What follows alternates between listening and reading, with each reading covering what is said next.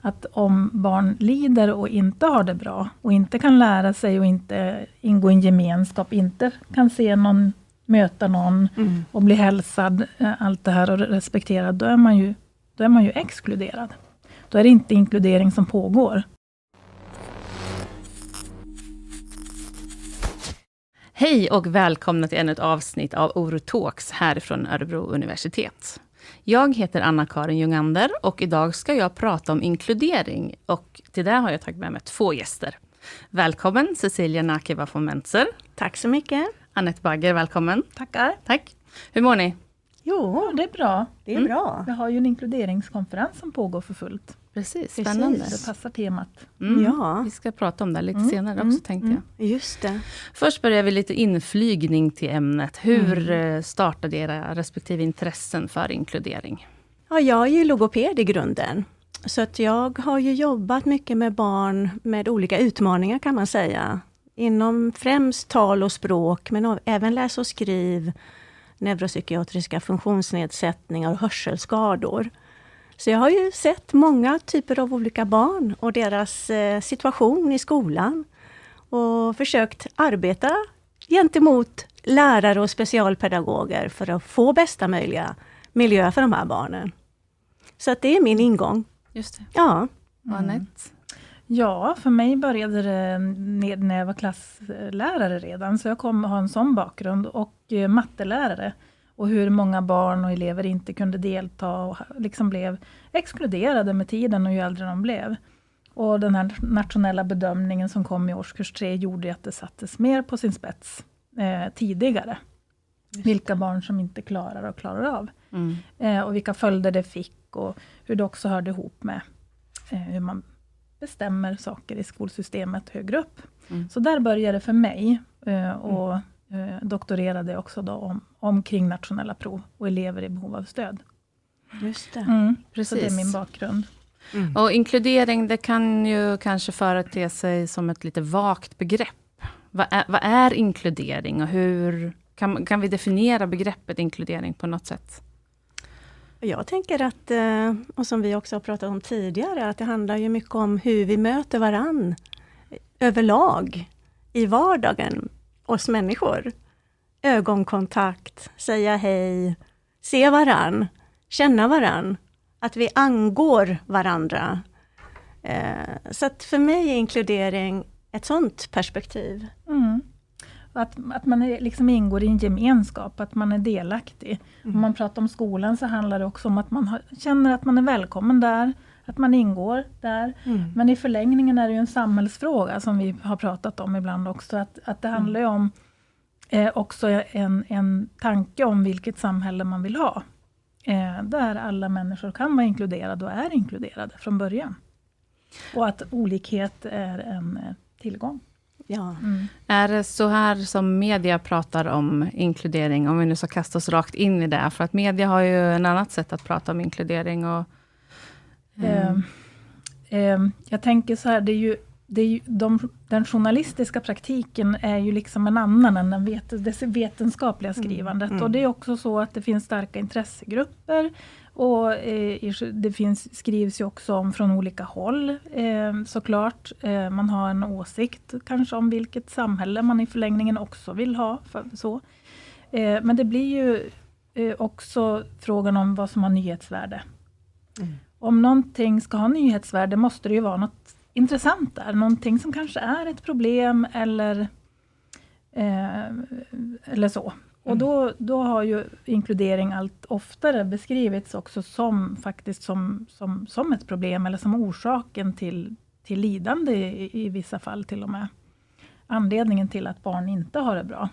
Mm. Medan jag tänker, och vi har diskuterat det ibland, att att om barn lider och inte har det bra, och inte kan lära sig och inte ingå i en gemenskap, inte kan se någon, möta någon mm. och bli hälsad, eh, allt det här och respekterad, då är man ju, då är man ju exkluderad.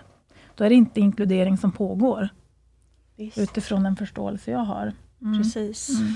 Det låter som att uh, den bilden vi får om inkludering från media, det är en ganska förenklad bild, är min uppfattning. Är det något ni delar? Det kan nog stämma att man kanske tar enstaka fall fokuserar på dem och, och kanske främst tänker då utifrån ett majoritetstänk att eh, enskilda individer ska ingå i det större sammanhanget. Och, och tänker kanske inte på att inkludering kan omfatta varje möte och var, även de mindre sammanhangen, de mindre grupperna, eh, hur den gemenskapen byggs upp, eh, tänker jag. Mm. Eh, så där behöver vi väl eh, gå in mer. Att mm. vara mer inriktade på de, de, mindre sammanhangen helt enkelt och hur det kan få alla barn att växa och att bli sedda. Mm. Man tänker på, det finns ju något som heter relationell pedagogik som kommer mer och mer. Det är också rätt intressant, men det handlar väldigt mycket om vilken relation man bygger mellan lärare och elever och elever emellan och så. Eh, så det finns ju många, många andra fält än specialpedagogik och du kommer ju från, från eh, logopedi mm. och så vidare, där man liksom jobbar med inkludering. Eh, men förutom att det ska vara nyhetsvärde, så, så tänker jag att det också handlar om vilka politiska inriktningar mm. som finns i samhället just då, om det är ett val som är nära förestående eller inte. Det är mycket som spelar in liksom i hur, hur rapporteringen såklart ser ut. Och kanske också hur vi ser på skolan. Om den enbart ska vara kunskapsdriven, eller om den ska vara ett sammanhang där, där individen och gruppen när varandra. Eh, mer också socialt, och vi, vi fick ju lyssna på Claes mm. Nilholm, han pratade om ansvar. Eh, elevens ansvar, de vuxnas ansvar i det lilla. Eh, så att det är ju inte enbart den här teoretiska kunskapen som är den exakt den viktigaste för att vi ska kunna delta i ett demokratiskt samhälle. Utan det är många sociala aspekter som är väldigt viktiga. Mm. Som jag tror vi behöver komma tillbaka till. Mm demokratiuppdraget i skolan.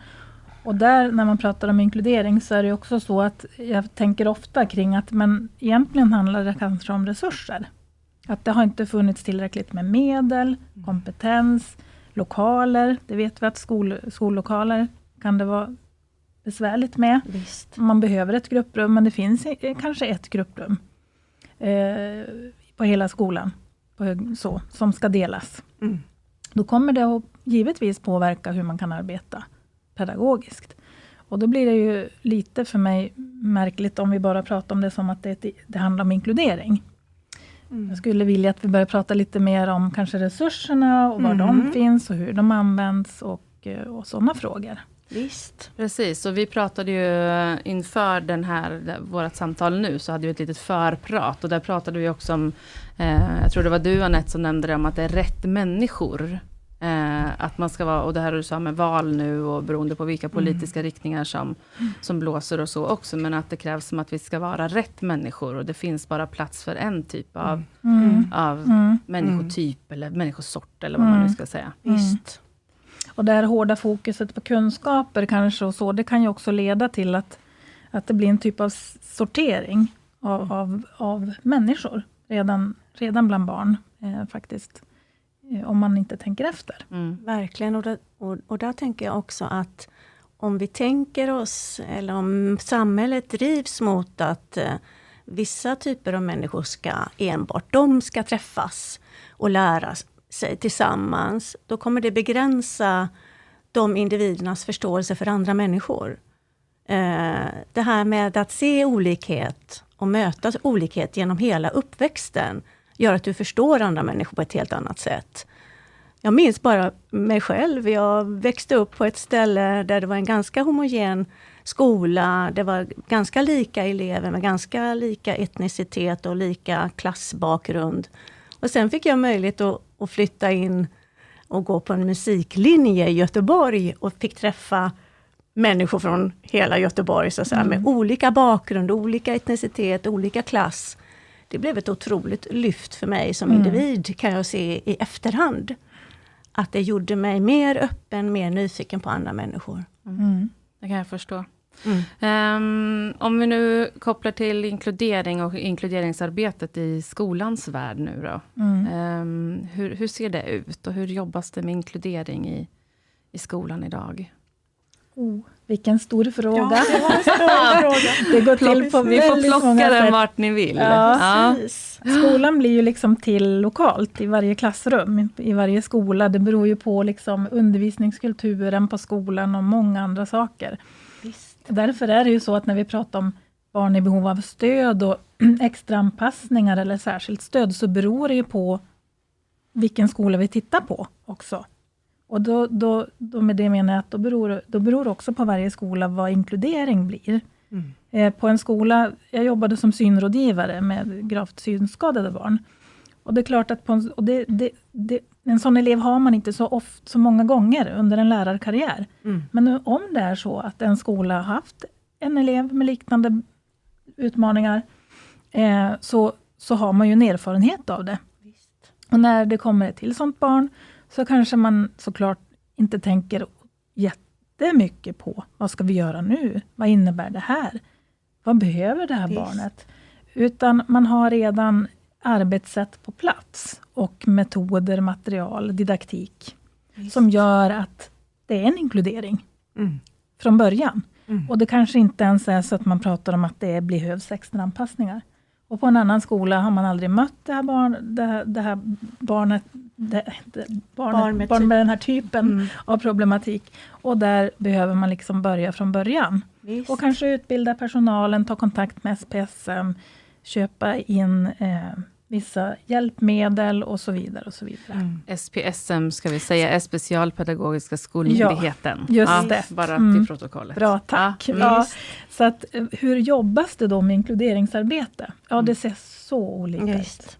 Och jag känner igen eh, Mm. det, just det där individ och personliga eh, exemplet på när man möts eh, i skolan. Jag hade ett barn med ganska stora talproblem och fick åka ut till skolan där de inte förstod hur hans stavning fungerade. Han blandade ihop bokstavsljud, bokstavsljud och de förstod inte systematiken i det där. Men i och med att jag hade träffat honom under flera års tid och hade jobbat med de här språkutförväxlingarna, så kunde vi tillsammans jobba med att, jaha, när han sa k, då var det egentligen t som blev i skrift. Eh, och så vidare. Och det gjorde ju att nästa gång hon träffar ett barn med talstörning, så kommer hon förstå, ja ibland kan det bli så att de här ljuden även återspeglar sig i stavningen. Mm. Så det, är ju, Mm. det, är ju, det är de där mötena som krävs.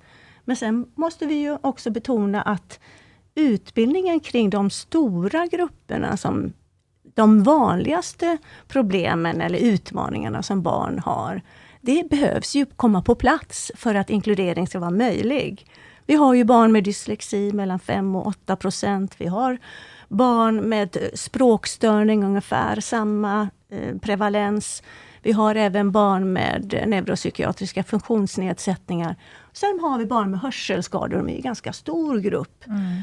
Så det här behöver vi ju allmänt känna till. Mm. Eh, så, eh, I lärarutbildningar behöver det komma in. Och det behöver ett interprofessionellt samarbete kring dem på Mm. skolorna. Mm.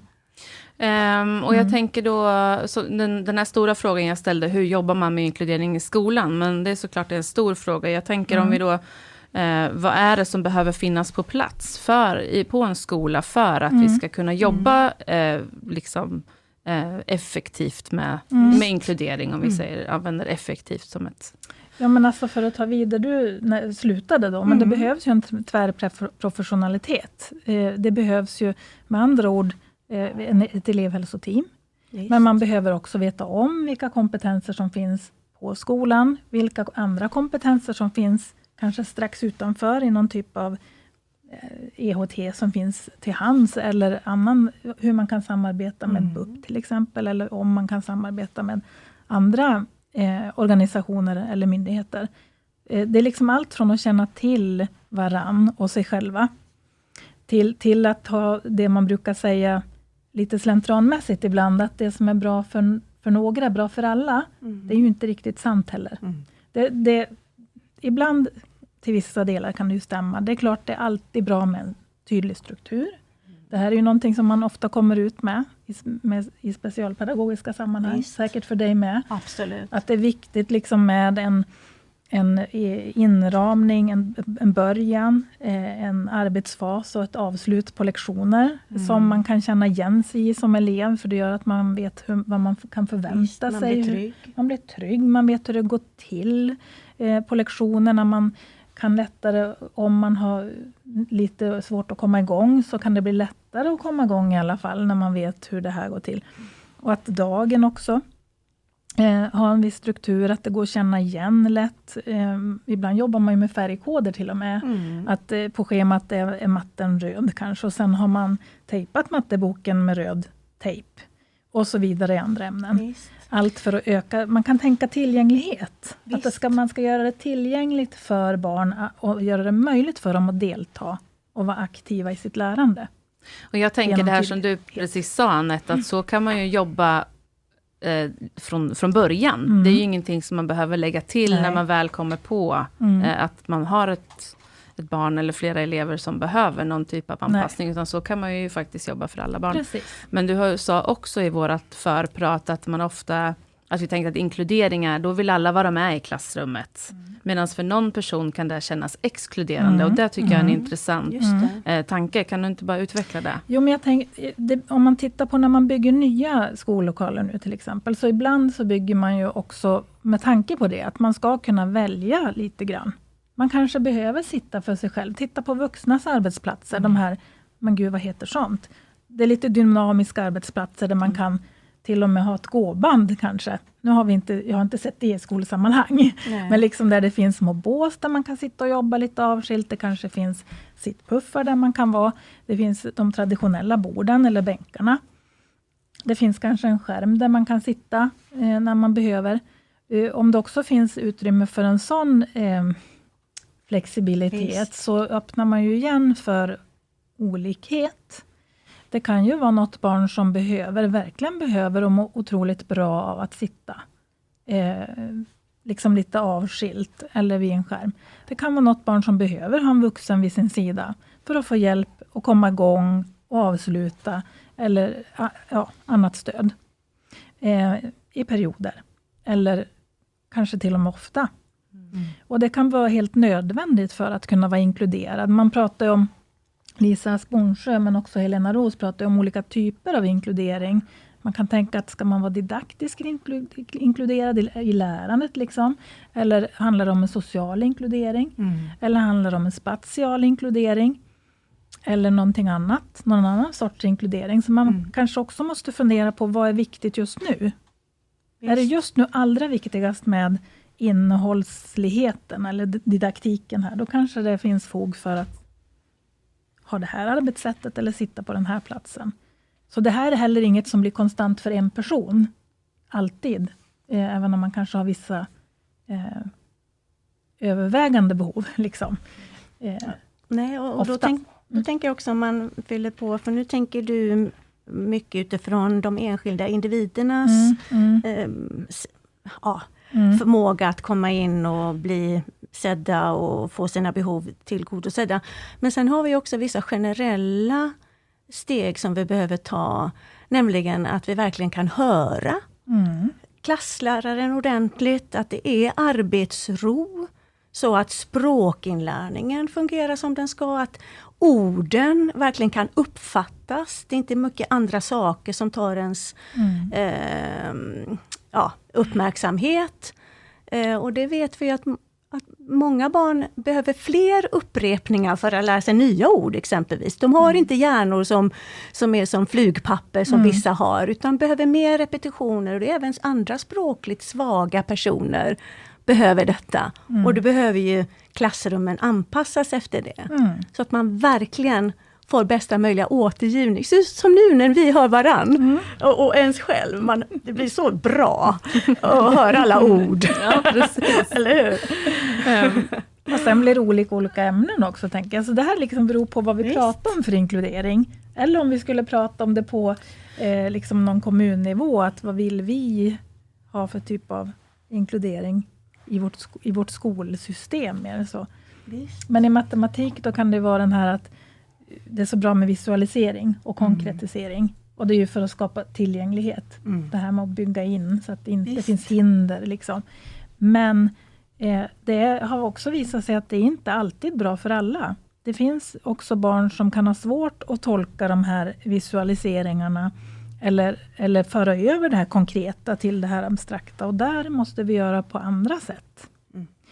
Så det går och då, det är då man som klasslärare såklart kan känna den, den här frågan, men ska jag göra olika med alla elever i en klass? Ska jag det behöver varje elev ha en egen lärare nästan? Ska jag vara den läraren, fast mm. dela mig på 25? Ja, det var faktiskt min nästa fråga. Hur, alltså, finns det någon, vart går gränsen för, ja, alltså, när inkluderingen eh, blir hit, övermäktig? Blir övermäktig, ja. ja. precis. För läraren? Ja, för läraren. Men då tänker jag igen att det kan bero på vem läraren är. Men det ena är ju att mm, såklart, om vi, har, om vi tänker oss ett klassrum där vi har många elever, och det är trångt. Eh, och du har inte tillgång till någon specialpedagog eller speciallärare. Eh, och du kanske är nyutbildad. Man kan ha jättegod utbildning, men inte ha så lång erfarenhet ändå av den här eleven med Visst. den här tal, talproblematiken. Mm. Eh, så, så kommer det att bli på ett sätt. För givetvis så så är det ju så att man måste få tid att arbeta med och planera för och reflektera över de här elevernas lärande. Men mycket som vi har varit inne på kan man ju faktiskt ha riggat redan. Det kanske finns ljudsystem på plats. Eh, det kanske finns en, eh, ett sånt här verktyg för att samla klassen och visualisera på ett bra sätt, om man använder en smartboard på ett klokt sätt. Eh, och det kanske inte är bullrigt och, det kanske, och så vidare. Det kanske finns de här flexibla möjligheterna, där barn själva kan äga sitt... Målet är ju på ett sätt att eleven själv också känner till slut och vet vad den kan må bra av och inte. Visst. Eh, och kan göra vissa eh, självregleringar i sitt lärande. Mm. Så. Men, men, men såklart kan man ju inte ha en sån en-till-en undervisning med alla elever. Och då tänker jag att det som vi pratade om häromdagen, det här med att man har ett antal ägg i sin korg och man kanske har tre ägg som man känner att det här med läs och skriv, det är jag ganska duktig på att anpassa för, jag vet vad jag ska använda för tekniska hjälpmedel och jag vet vilken metodik som är viktigt i början om man har avkodningssvårigheter exempelvis. Då är det ljudmetoden som ska in för att verkligen se om det är det som är problemet.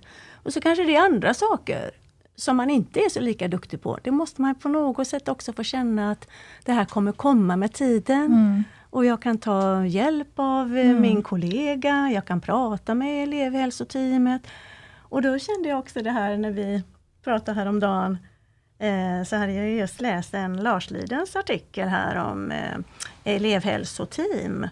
Eh, som, där elevhälsoteamet jobbar mot alla barn i mm. skolan. Eh, alla barn vet vilka elevhälsoteamet är i början av en årskurs.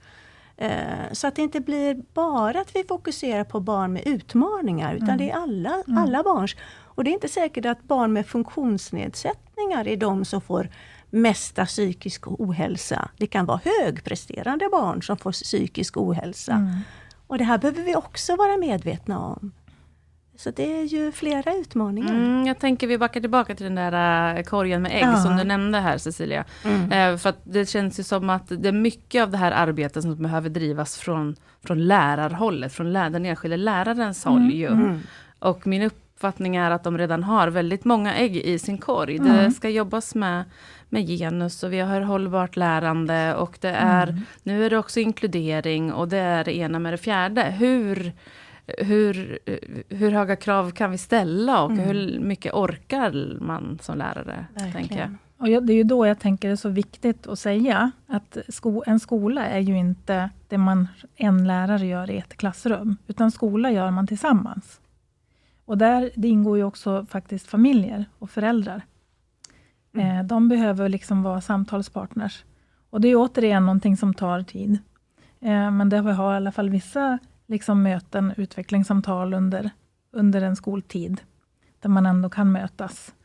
Eh, och lärarna jag tycker ofta de är ju otroligt bra på inkludering och skickliga på det. Mm. Men, men jag tänker snarare att det inte alltid man har möjlighet att göra allting som man vet skulle kunna vara bra. Och det kan ju vara någonting som jag pratar om, Jonna Bornemark skriver om det och jag skriver om det också. Eh, det leder ju till en etisk stress. Där man liksom vet, igen, man vet vad man skulle behöva göra, men man kan inte riktigt göra det. Eh, och det, det blir liksom inte hälsosamt. Och vi har ju många lärare som är trötta mm. eh, och har jobbat otroligt hårt länge. Och särskilt under pandemin, skulle jag säga. Just. Där vi också fått nya eh, elever eller barn som har blivit exkluderade. Det, har, det är faktiskt också något att fundera på, som jag tror inte vi har reflekterat klart över än, Nej. som samhälle. Och där kan man ju eh, också mm. flika in att eh, det här mängden skärmarbete och skärmtittande och den här uh, tredje världen så att säga, som finns, eller andra världen kanske där, uh, som finns hela tiden parallellt. Det är också någonting som skapar uh, bilder mm. hos de enskilda barnen abstrakta bilder som finns hela tiden om hur man ska vara eller hur, hur man ska se ut. Mm.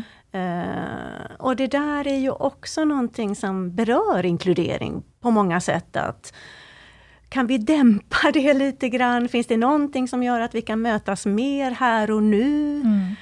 I interaktion. Uh, så skulle vi, tror jag, må bättre. Mm. Uh, men det är ju en stor fråga.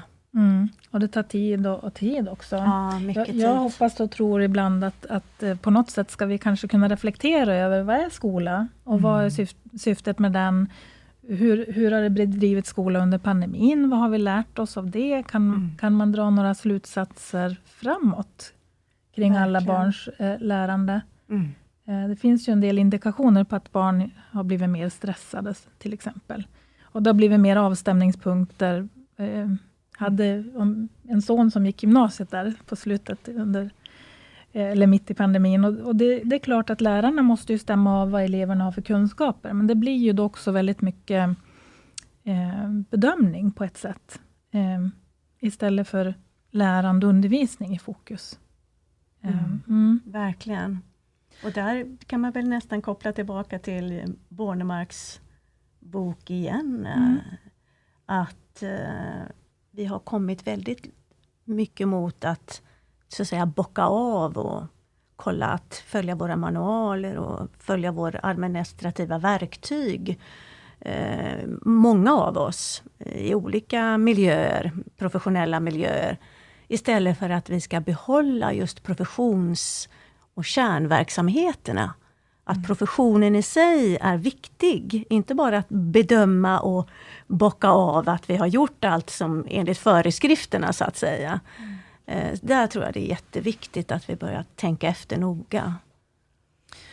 Um, initialt här så pratar du också om att det pågår en konferens just nu, mm. här i Örebro. Precis. Ja, um, Berätta mer om konferensen. Jag tänker nu när vi har suttit här och pratat en stund, att det ja. visar ju bara hur viktig den är, tänker jag. Ja. Um, men berätta lite om konferensens fokus. Eh, den heter Inkludering i etikens motljus och det är andra gången vi håller den.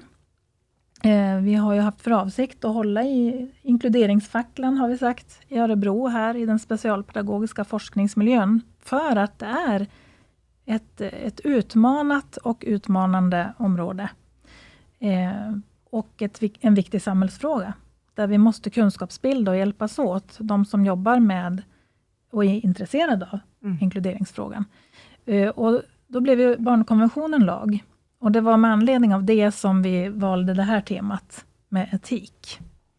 Där vi har tre keynotes uh, som på olika sätt belyser uh, det demokratiska, och etiska och, och barnrättsperspektivet. Då. Och så har vi deltagare från ja, olika håll i, i landet. Eh, en del lärare också, vilket vi är jätteglada över. Det är mest forskare. Eh, vi hoppas kunna eh, liksom locka ännu fler, kanske andra aktörer också, till ändå nästa gång. Kanske politiker, kanske vi kan få till oss en del rektorer. Vi hade det redan i fjol, förra gången. Mm. Så det är ju för att det är inte så där helt enkelt och vi behöver nog hjälpas åt kring det. Mm. Verkligen, och jag tänker också att med anledning av att vi är fler professioner i skolan. Logopedin eh, tog ganska lång tid innan logopedin kom in i skolans värld. Men nu kommer det ju fysioterapeuter, mm. arbetsterapeuter, psykologer och en bred kompetens, professionell kompetens. Eh, och kan vi mötas i, i på en konferens mm. så kommer det ju kunna öka möjligheten till inkludering, en känsla av, att, av tillhörighet mm. och att bli sedd. Ja, nu har vi pratat ungefär en halvtimme här tror jag. Jag tänker att vi ska börja runda av lite grann, men jag känner att det är ett, det är ett komplext ämne som väcker många frågor och det är inte bara det är inte gjort i en handvändning att jobba med inkludering, vare sig i skolan eller i samhället för den delen heller. Men jag tänker om man sitter där på andra sidan här nu och som verksam lärare och känner, men vad ska jag göra då? Vad kan, ge, kan vi ge de lärarna några konkreta tips? Två tips vad de kan göra imorgon när de går till jobbet. Ska, vill du börja nu? Jag kan börja. Får man bara säga två? Men jag tänker att en sak det är ju att, att, att lita på dig själv. Alltså ni har en bra en grundutbildning. Eh, ni har också ett kollegium. Förlita er på det och på den och, och ta reda på och se till att få stöd. Man måste inte klara allt ensam liksom i klassrummet. Det tycker jag är ett viktigt råd. Kom ihåg att, att skola är ett större uppdrag. Um, men sen är det ju faktiskt det här med um, vad kan man, hur kan man göra en inkluderande lärmiljö? Där har ju SKR haft ett stort projekt med många kommuner inblandade och identifierat en del eh, sådana alltså, vad behöver man, hur kan man göra det? Vad innebär det?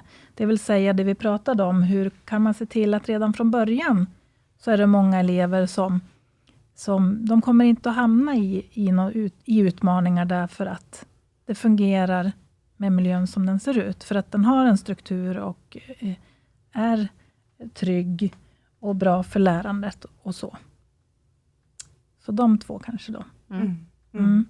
Vad säger du då Cecilia?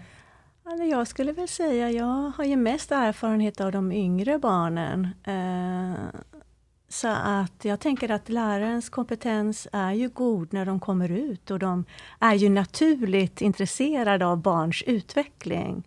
Så att lita på att den här nyfikenheten och den kunskap de har med sig kommer räcka långt. Men sen ta också hjälp av och stöd av, fråga de här andra professionerna som förhoppningsvis då finns på skolan. Och inte bara när det har börjat börja mm. bli svårt. Mm. Utan redan innan, hur kan jag tänka kring de här barnen nu i årskurs 1. De ska lära sig läsa och i årskurs 2 ska de ju ha en flytande läsning. Det vet vi ju enligt Herlin och Lundbergs bok. Eh, hur ska jag göra med det? Ja, då behöver du ju kunna prata lite om var de ligger någonstans. Mm. Se, det, se elevens nivå. Vad kan nästa nivå vara? Och diskutera det med Eh, professionella andra personer från, på skolan. Men också med andra lärare såklart, som har mer erfarenhet. Eh, ja, så, så det är väl kanske bara var ett råd. Men sen det andra, om man tänker kring just mina grupper barn, så en, en väldigt enkel strategi att få barn med tal, ut, Eh, tal och språkstörning eller barn med hörselskador, det är ju det här att komma innanför den akustiska bubblan som vi pra brukar prata om. Mm. Vad är det? Ja, att man kan tänka sig att barnet, om man har en hörselnedsättning eller en hörselskada, då är det inte så att orden per automatik bara direkt kommer in i hjärnans eh, områden där man bearbetar språk. Utan det är ett filter och du måste komma innanför det filtret. Så att barnet sitter i sin lilla bubbla, akustiska bubbla. Och då måste du komma innanför för att det verkligen ska bli en god återgivning av det språk som du använder. Så det är väl ett, ett bra råd kan jag tycka, ett viktigt råd. Mm. Eh, för just de här grupperna. Att komma nära intill, visa ansiktet.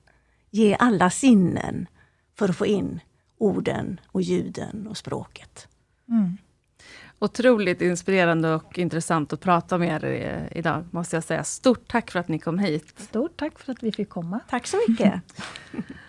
och tack till er som har tittat och lyssnat och jag hoppas att vi ses snart igen i ett nytt Orotalks här från Örebro universitet. Hej då!